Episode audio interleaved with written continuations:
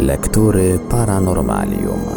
W dzisiejszym odcinku Lektur Paranormalium kontynuujemy lekturę książki Lucjana Znicza zatytułowanej Paleoastronautyka. Książkę rozpoczynającą słynny cykl Goście z kosmosu prezentujemy w odcinkach w całości. Zapraszamy do słuchania.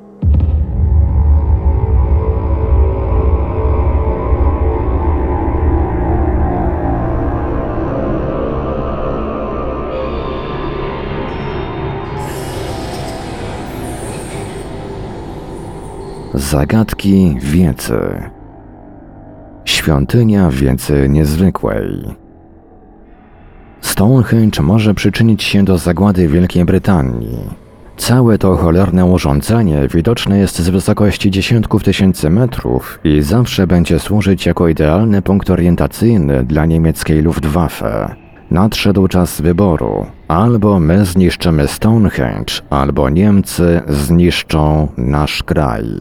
Rzeczywiście, był taki okres w historii II wojny światowej, gdy sytuacja Wielkiej Brytanii wydawała się wręcz beznadziejna. Ale nawet wówczas, poza wnioskodawcą, jednym z wyższych oficerów brytyjskiego lotnictwa, nazwiska którego historia przezornie nie przechowała, Niewielu tylko ludzi mogło wierzyć, że w tak kochającej tradycję Anglii zdecyduje się ktoś zniszczyć najstarszy przecież pomnik kultury jej mieszkańców. I rzeczywiście nie tylko go nie zniszczono, ale gdy byłem w Wielkiej Brytanii w roku 1973, to cholerne urządzenie stało się najbardziej chyba eksponowanym punktem orientacyjnym w Anglii. Już niemal od wrót Londynu na autostradzie do Salisbury co kilka kilometrów widnieją duże tablice z powtarzającym się napisem Stonehenge.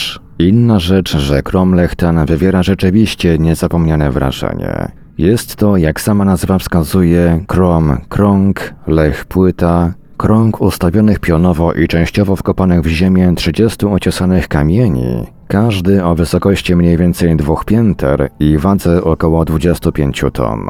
Mimo iż koło zakreślone przez kamienie ma średnicę aż 29 metrów, jest ono tak dokładnie wytyczone, że błąd w promieniu koła nigdzie nie przekracza 5 cm. W dodatku część z tych dwupiętrowych kamieni pionowych, a pierwotnie zapewne wszystkie, przykryta jest podobnymi kamiennymi płytami o wadze około 7 ton każda, ułożonymi poziomo na ich wierzchołkach, tak że całe to urządzenie sprawia wrażenie jakiejś niezwykłej balustrady gigantów. We wnętrzu tego kamiennego ogrodzenia znajduje się pięć usytuowanych w podkowę trylitów, trójkamieni, swego rodzaju kamiennych bram. Każda z nich składa się z dwóch ustawionych pionowo tuż obok siebie, tym razem już ponad trzypiętrowych kamiennych płyt. Wagę każdej z nich ocenia się na 50 ton, na których ułożona jest poziomo mniejsza, trzecia. Podkowa trylitów otwarta jest w stronę pojedynczej kamiennej kolumny o wysokości 6 metrów i wadze 35 ton, wkopanej pionowo około 30 metrów poza kamienną balustratą. Całość tej niezwykłej budowli otoczona była ponadto dziś już widocznym tylko z dużej wysokości, co właśnie najbardziej przerażało wspomnianego na wstępie oficera jego królewskiej mości białym wałem skruszonego wapienia o wewnętrznej średnicy 96 metrów. Wał ten miał szerokość 6 metrów i wysokość 1,80 m, a wzdłuż jego wewnętrznej krawędzi 300 lat temu J. Aubrey odkrył jeszcze 56 wykopanych co 5 metrów od siebie i wyłożonych we wnętrzu również kruszonym wapieniem jam, które odtąd nazywane są pierścieniem Obreya. Wprost trudno wyobrazić uczucia człowieka, gdy się stanie w środku tej kamiennej budowli wielkolotów. Czy podziwiać siłę nieznanych budowniczych, czy precyzję budowy, czy zastanawiać się nad ogromem włożonej pracy, czy wreszcie poszukiwać najbardziej istotnego problemu Stonehenge, celu całej budowli. A właśnie co do tego ostatniego problemu, celu budowy, do ostatnich lat, a prawdę rzekłszy i do dzisiaj, najwięcej jest kontrowersji. Monumentalność budowli i ogrom włożonego w jej realizację wysiłku już u pierwszych badaczy Stonehenge wytworzyły głębokie przekonanie, że jest to budowla sakralna. Daremnie poszukiwano jednak śladów jakichś świętych ognisk czy ofiarnego ołtarza. Dopiero w końcu XIX wieku słynny odkrywca nowego pierwiastka na Słońcu, nieznanego jeszcze na Ziemi Helu, Lockyer, po raz pierwszy wyraził przypuszczenie, że Stonehenge było nie tyle świątynią kultury megalitycznej, co raczej jej obserwatorium astronomicznym. Ta sugestia jednak nieprędko doczekała się swego uzasadnienia. Zaledwie w ostatnim dziesięcioleciu astronom Hawkins z pomocą komputera przeliczył wszystkie możliwe położenia różnych ciał niebieskich nad Stonehenge i stwierdził, iż cała ta niesamowita budowla służyła ponoć tylko i wyłącznie do ustalania biegu Słońca i Księżyca po kopule niebios. Mimo wyglądu gigantycznych bram, w istocie są tak wąskie, iż nie można nawet przez nie przesunąć głowy. Ale właśnie każda z tych wąskich szpar pozwala ujrzeć dokładny punkt horyzontu, w którym słońce wschodzi bądź zachodzi w dniach przesilenia letniego i zimowego, a także równonocy wiosennej i jesiennej. Również samotna sześciometrowa kolumna ukazuje z dokładnością do dwóch minut kątowych punkt wschodu słońca w momencie przesilenia letniego. Dalsze badania Hawkinsa doprowadziły z kolei do odkrycia następnych 12 wizjerów ukazujących także punkty wschodu i zachodu księżyca w szczególnie dla astronomii ważnych momentach. Na podstawie tych odkryć astronom Uniwersytetu Bostońskiego doszedł w końcu do wniosku, iż budowniczowie Stonehenge w swym kamiennym obserwatorium nie tylko byli w stanie dokładnie śledzić ruchy obu ciał niebieskich, ale także je przewidywać, a w tym przede wszystkim zaćmienia Słońca i Księżyca. W tym kontekście udało się nawet wyjaśnić tajemniczą liczbę 56 jam wchodzących w skład pierścienia Obreya. Otóż zaćmienia obu ciał niebieskich mogą następować tylko w momentach przecięcia się orbity Księżyca z ekliptyką, drogą widzianego z Ziemi ruchu Słońca na sferze niebieskiej. Momenty te noszą nazwę węzłów, przy czym okres przesuwania się tych węzłów na niebie wynosi dokładnie 18,61 roku. Po okresie tym noszącym nazwę cyklu Metona, węzły znów wracają na swoje miejsce. Dotychczas wiadomo było, że cykl Metona odkryty został po raz pierwszy gdzieś w VII wieku przed naszą erą przez kapłanów starożytnego Babilonu, którzy ustalili go zresztą z dość dużym błędem na 18 lat i 11 dni i nosił tam nazwę okresu Saros. Teraz jednak Hawkins twierdzi, że 56 jam Stonehenge oznacza właśnie przeliczenie cyklu Metona na pełne lata. Rzeczywiście, trzy cykle Metona wynoszą dokładnie 55,86 lat. W ten sposób starożytni Brytowie według niego znaleźli sposób dokładnego przewidywania zaćmień Słońca i Księżyca, gdyż wiedzieli, że powtarzają się one niezmiennie w tych samych dniach po 56 latach. Co ważniejsze, wiedzieli o tym ponad tysiąc lat wcześniej, niż doszli do tego tak imponujący nam swą astronomiczną wiedzą kapłani starożytnego wschodu. I wtedy w człowieku stojącym wewnątrz kamiennego kręgu Stonehenge budzi się jeszcze jedno, tym razem najbardziej niepokojące pytanie. Skąd oni zdobyli taką wiedzę?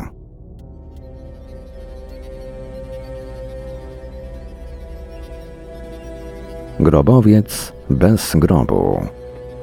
Stonehenge jest niewątpliwie najznamienitszym, pozostawionym potomnym przez wciąż właściwie nieznaną, kto wie, czy nie ogarniającą w pewnym okresie całej Europy, a niektórzy podejrzewają nawet, że całego świata, kulturę megalityczną.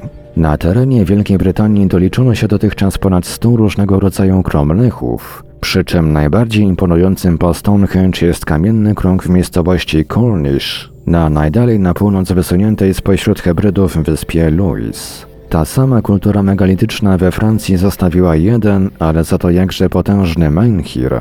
Od bratońskiego men kamień i hir długi. Ma on wysokość 21 metrów i waży około 300 ton. Mamy zresztą także i w Polsce swój kromlech, niezbyt powszechnie znane kręgi kamienne, markujące obwody kilku kół o średnicach od 16 do 24 metrów w Odrach pod Chojnicami. Obok kromlechów i menhirów kultura megalityczna pozostawiła jednak jeszcze do rozszyfrowania szereg kurhanów. Tak jak kromlechy z reguły traktowane były jako świątynie tajemniczych czcicieli słońca, tak kurhany uważano za ich groby. Ale oto największy, o wysokości 40 metrów i najbardziej imponujący z nich, kurhan Silbury Hill w pobliżu Marlborough w zachodniej Anglii, od razu wyjaśnienie to postawił pod wielkim znakiem zapytania. Pierwsze badania Silbury Hill skoncentrowały się wokół jego wieku, ponieważ stara rzymska droga pagór ten omija, wysnuto słuszny wniosek, iż zbudowany on został przed drogą, a więc najpóźniej na przełomie naszej ery. Podjęte ostatnio badania metodą węgla radioaktywnego cofnęły jednak narodziny Silbury Hill o dalszych wiele wieków. Kurhan został usypany między 1000 a 600 rokiem przed naszą erą. Pierwsze poszukiwania krypty grobowej we wnętrzu Kurhanu rozpoczęły się już w roku 1776, lecz do niczego nie doprowadziły. W minionym wieku archeolog Blendford w poszukiwaniu grobu przekopał tunel aż do centrum Kurhanu. Po nim w roku 1922 poszukiwał tegoż grobu egiptolog Petrie. W roku 1968 zaskoczony wysoką wiedzą budowniczych Stonehenge szczególnie precyzyjnie zabrał się do rozwiązywania zagadki Silbury Hill wykładowca Cardiff College profesor Atkinson. Niestety próby prześwietlenia wzgórza jakimikolwiek przenikliwymi promieniami ze względu na jego niejednorodną budowę nie dały żadnych rezultatów, zaś wycięty nowy tunel z drugiej strony także nie doprowadził do odkrycia krypty grobowej. Oczywiście można założyć, że podobnie jak Stonehenge nie jest żadną świątynią, tak Silbury Hill nie jest żadnym grobowcem. Ale wówczas znów stajemy przed jeszcze trudniejszym do wyjaśnienia pytaniem. Po co tysiące ludzi przez okres kilku pokoleń prymitywnymi środkami zbudowało nagle wśród angielskich równin tę najwyższą, o wysokości niemal 20 pięter, sztuczną górę Europy Zachodniej? przed czym miała ona ich chronić, co pozwalała im obserwować, czy wreszcie jakim i dla kogo miała być ona znakiem. Zresztą i typowe nawet kurhany grobowce wciąż stawiają nas przed coraz to nowymi tajemnicami. Cała Irlandia na przykład dosłownie pokryta jest kurhanami kamiennymi, w których do istniejącej w centrum krypty grobowej prowadzą długie korytarze. Odkryto dotychczas około 200 tego typu kurhanów, szczegółowo zbadano jednak zaledwie kilkanaście. I oto już wśród tych kilkunastu natrafiono na pierwszą osobliwość – kurhan w Newgrange. Średnica jego wynosi około 80 metrów, zaś podziemny, nieregularnie zbudowany zarówno w płaszczyźnie poziomej, jak i pionowej korytarz prowadzi na 19 metrów w głąb ziemi, gdzie w roku 1967 odkryto kryptę grobową z pięcioma na pół spalonymi szkieletami ludzkimi. Dla pierwszych odkrywców pozostał jednak zagadką otwór o średnicy około metra, utworzony nad wejściem do korytarza. Dla jakich celów miał on służyć? Dwa lata później, w roku 1969, zagadkę tę rozwiązał O'Kill. Okazało się, że dwa, trzy dni w ciągu roku, w momencie zimowego przesilenia nocy z dniem, promienie słoneczne wpadają poprzez otwór do wnętrza kurhanu, i dokładnie przez 4 minuty oświetlają znajdującą się 19 metrów w głębi kurhanu kryptę grobową. A więc znów dylemat. Grób czy obserwatorium astronomiczne? A jeśli to ostatnie, a trudno sobie wręcz wyobrazić, by tak precyzyjne efekty uzyskano jedynie przez przypadek, to stajemy przed jeszcze trudniejszym do odpowiedzi pytaniem. Jak ci wyspiarze tak wcześnie poznali podstawy astronomii? Bo o ile Stonehenge jest wcześniejszy o całe tysiąclecia od babilońskich zikuratów, o tyle Kurhan Newgrange jest znów o tysiąclecia wcześniejszy od Stonehenge. Podwodne piramidy sprzed stu wieków. Jeszcze więcej zagadek skupiło się wokół tajemniczej kamiennej budowli po drugiej stronie Oceanu Atlantyckiego, na dnie jeziora Rock 40 km na wschód od stolicy stanu Wisconsin, miasta Madison w USA. Nie bez kozery używam słów kamienna budowla, bo do dziś właściwie nie wiadomo dokładnie z czym mamy do czynienia. Z kamiennym kurhanem, jak twierdzą jedni, czy też z kilkoma prawdziwymi kamiennymi piramidami, jak upierają się inni. A może w końcu w ogóle nic tam nie ma. Jezioro Rock przypomina swym konturem nieco odcisk stopy ludzkiej, przy czym oś podłużna wynosi 8 km, oś poprzeczna zaś 4 km. Mimo iż tylko w najgłębszych miejscach osiąga 12 metrów, jest szczególnie trudne do badań, gdyż woda jego, z wyjątkiem nielicznych chłodnych i jasnych dni, zawsze jest zmącona nieruchomo stojącymi w niej kłębami mułu. Już na początku tego wieku dwaj bracia Wilsonowie twierdzili, że natknęli się na jeziorze podczas polowania na kaczki na jakąś kamienną budowlę. Rok ów charakteryzował się szczególną suszą. Poziom wód jeziora obniżył się niemal o dwa metry, i obaj Wilsonowie twierdzili, że nie tylko widzieli kamienną platformę pod wodą, ale nawet sięgnęli do niej wiosłem.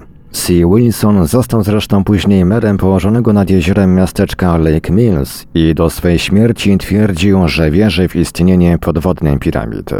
Dalszą informację o dziwnej budowli na dnie jeziora Rock zawdzięczamy stomatologowi Morganowi, który 11 kwietnia 1936 roku, przelatując prywatnym hydroplanem nad wodami jeziora, dostrzegł aż trzy piramidy w wyjątkowo przeźroczystej tego dnia wodzie. Po tej informacji wybrał się nad jezioro Rock światowej sławy nurek Noel, który również natrafił na jedną z piramid. Miała ona formę uciętego stożka o wysokości około 10 metrów oraz średnicy górnej podstawy około metra, zaś dolnej podstawy ponad 5 metrów. Cała budowla skonstruowana została z gładkich kamieni pokrytych z wierzchu zielonkawym nalotem. Oznajmił po powrocie. Niestety, w ciągu następnych 30 lat nie tylko nikomu nie udało się poszerzyć wiedzy o tajemniczych budowlach na dnie jeziora, ale nawet w ogóle na nie trafić. To też, gdy w roku 1967 w siedmioosobowej grupie płetwonurków młody botanik amerykański Kennedy znów, raczej przypadkiem, natknął się na kamienną budowlę.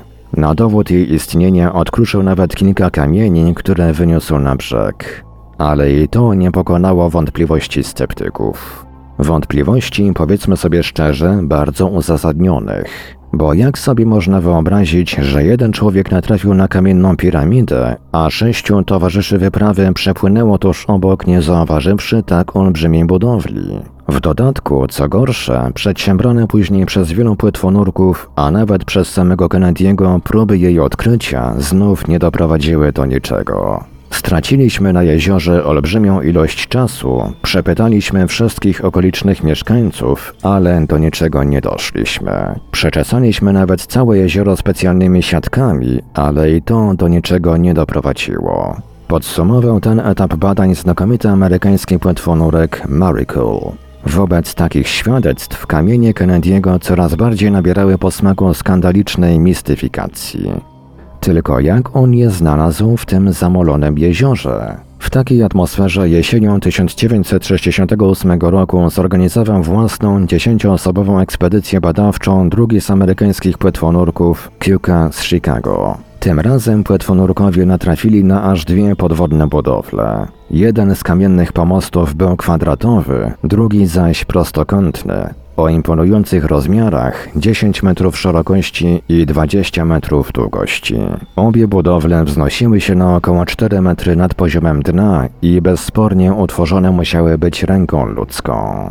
Odkrycie to pozwoliło wreszcie obalić Kennedy'emu, który w tym czasie stał się głównym badaczem tajemnic jeziora Rock, wszelkie podejrzenie o mistyfikację, ale równocześnie, jak to przekonaliśmy się już nieraz, wyjaśniając jedną zagadkę, postawiło przed badaczami do rozwiązania co najmniej kilka nowych. Kto i po co mógłby stawiać na dnie jeziora kilkanaście metrów pod wodą takie budowle? A przede wszystkim w jaki sposób, skoro specjaliści stwierdzili, że dla naszej współczesnej techniki zadanie to wcale nie byłoby najłatwiejsze do wykonania. Kennedy próbuje sprytnie ominąć tę nierozwiązalną zagadkę. Wszystkie budowle na dnie jeziora Rock zostały wykonane według niego wcześniej niż powstało jezioro. Łatwiej w tej sytuacji wytłumaczyć i technikę budowy, i nawet ewentualny jakiś jej cel.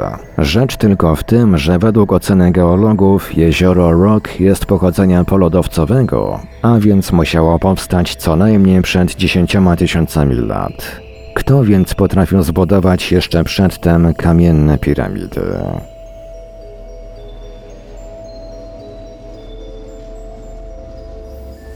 Kto zbudował port na Bahamach?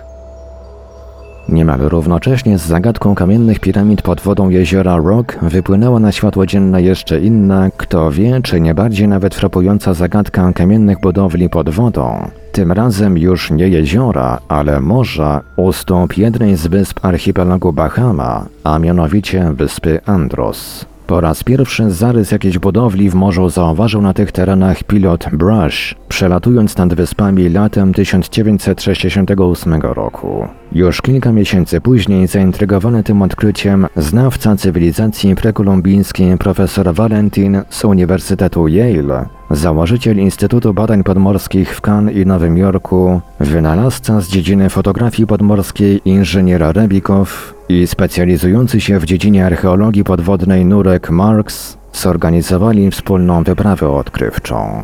Wyprawa ta u północnych wybrzeży wyspy North Bimini na głębokości kilku do kilkunastu metrów pod wodą odnalazła ciągnące się dziesiątkami metrów całkowicie porośnięte przez morskie rośliny i zwierzęta mury, wykonane z olbrzymich kamiennych bloków, według oceny Rebikowa ważących od 2 do 5 ton, spojonych specjalnym rodzajem cementu. Druga wyprawa, zorganizowana na przełomie kwietnia i maja 1971 roku, uzupełniła i uściśliła poprzednie odkrycia. Stwierdzono bezsporne istnienie zbudowanej przez człowieka kamiennej konstrukcji o szerokości 10 metrów, długości 70 i zanurzenia pod powierzchnią oceanu od 8 do 10 metrów. Aby jakoś logicznie wytłumaczyć powstanie tak olbrzymiej budowli na dnie morza, Odkrywcy zgodnie zakładają, że chodzi tu najprawdopodobniej o port z podwójną tamą i kamiennymi nabrzeżami.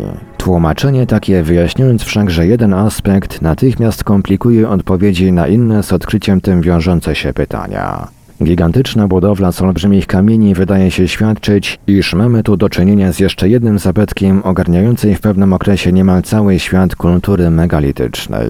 Dotychczas jednak uważano, iż najstarsze budowle tego typu powstały na Bliskim Wschodzie w szóstym tysiącleciu przed naszą erą. Tymczasem, gdy rozpoczęto za pomocą różnych metod ustalanie wieku kamiennych budowli podmorskich wysp Bahama, okazało się, że wiek ich sięga aż 10 tysięcy lat. Czyżby więc tu właśnie miała się wykluć kultura megalityczna, która w ciągu kilku tysiącleci przewędrowała oceany, by opanować stopniowo wszystkie leżące nad morzami kraje świata? Tak odległe pochodzenie kamiennych urządzeń koło North Bimini postawiło ponownie na porządku dnia ich przeznaczenie. Niby wszystko w porządku. Kamienny port został zbudowany na wybrzeżu wyspy, która, zgodnie z danymi geologicznymi, stopniowo tonie w morzu. W ten sposób budowle po kilku tysiącach lat znalazły się pod wodą. Tylko czy nie jest zastanawiający fakt, że już 10 tysięcy lat temu budowane były kamienne porty z tamami i nabrzeżami? Przez kogo i dla kogo? I to w dodatku budowane były tak, że te tysiące lat przetrwały nienaruszone, mimo szalejących tu co roku tropikalnych huraganów, podczas których szybkość wiatru dochodzi do 210 węzłów, a wysokość uderzeniowej fali do 11 metrów. I wreszcie ostatnia, zupełnie już niemożliwa do rozwiązania zagadka. Pochodzenie użytych do budowy kamiennych bloków. Nie należą one do żadnej ze znanych formacji naturalnych. Pisze na ten temat w roku 1973 w swojej pracy pod tytułem L'histoire commence à Bimini Karnak. A w raporcie specjalistów z Uniwersytetu w Miami z 25 lutego 1971 roku stwierdza się, że stanowią one z geologicznego punktu widzenia całkowitą zagadkę.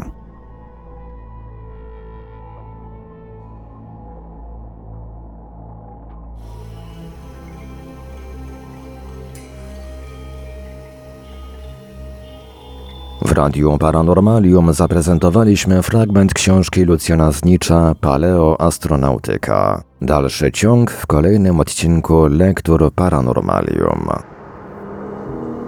Archiwalne odcinki Lektur Paranormalium znajdziesz do pobrania w archiwum naszego radia na stronie www.paranormalium.pl.